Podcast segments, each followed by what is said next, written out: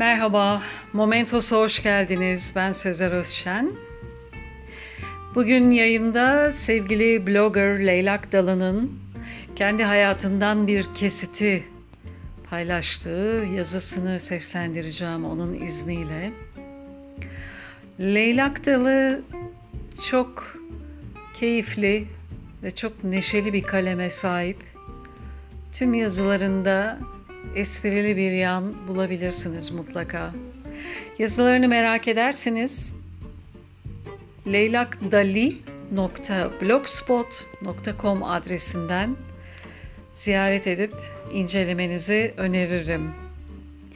Boş isimli yazısını seslendiriyorum şimdi. Annem sabunlu ellerini önlüğüne kurulayarak pazar gününün keyfini çıkaran babama Bıktım dedi. Bıktım bu makineden. Otomatik istiyorum.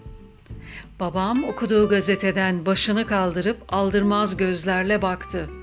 Neyinden bıktın? dedi.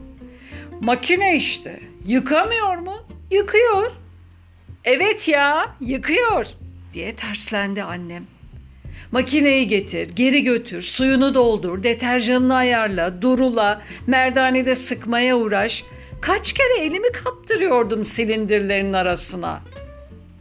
E anam da otomatik makinede yıkardı zaten. Küllü suda ıslatıp ocak üstünde kaynatırdı kadın diye güldü babam. Ne zaman gelişmiş bir şey istense babam anasının ilkel yöntemlerini örneklerdi. Başlayacağım anandan da, küllü suyundan da, otomatik alınmazsa ben bir daha çamaşır yıkamayacağım diye kulaklarından ateş çıkararak banyoya gitti annem. O gece sinirden uyumadı.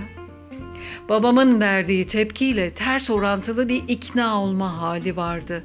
Ertesi sabah kahvaltıda kepenklerini indirip asık suratla çayını karıştıran annemin karşısına oturdu. Tamam dedi.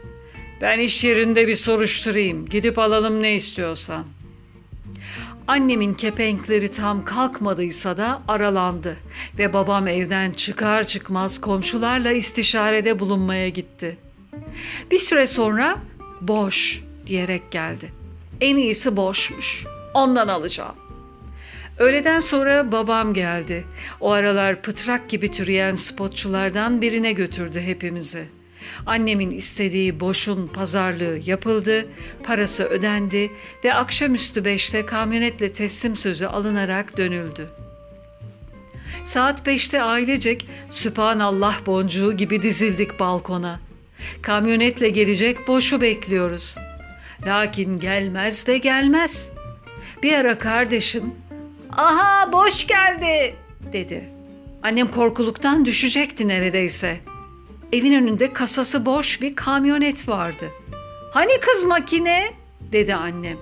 E işte boş. Yani kasası boş demek istemiştim dedi kardeşim gevrek gevrek gülerek.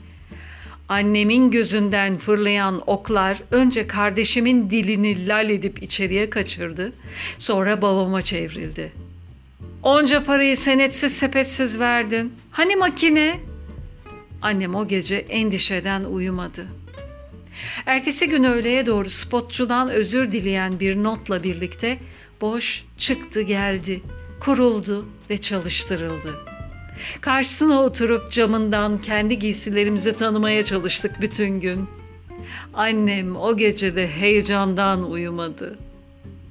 Boş bize yıllarca hizmet etti. Tahminimizden de çok. Son yıllarında demans baş gösterdi. Kendini at sanmaya başladı.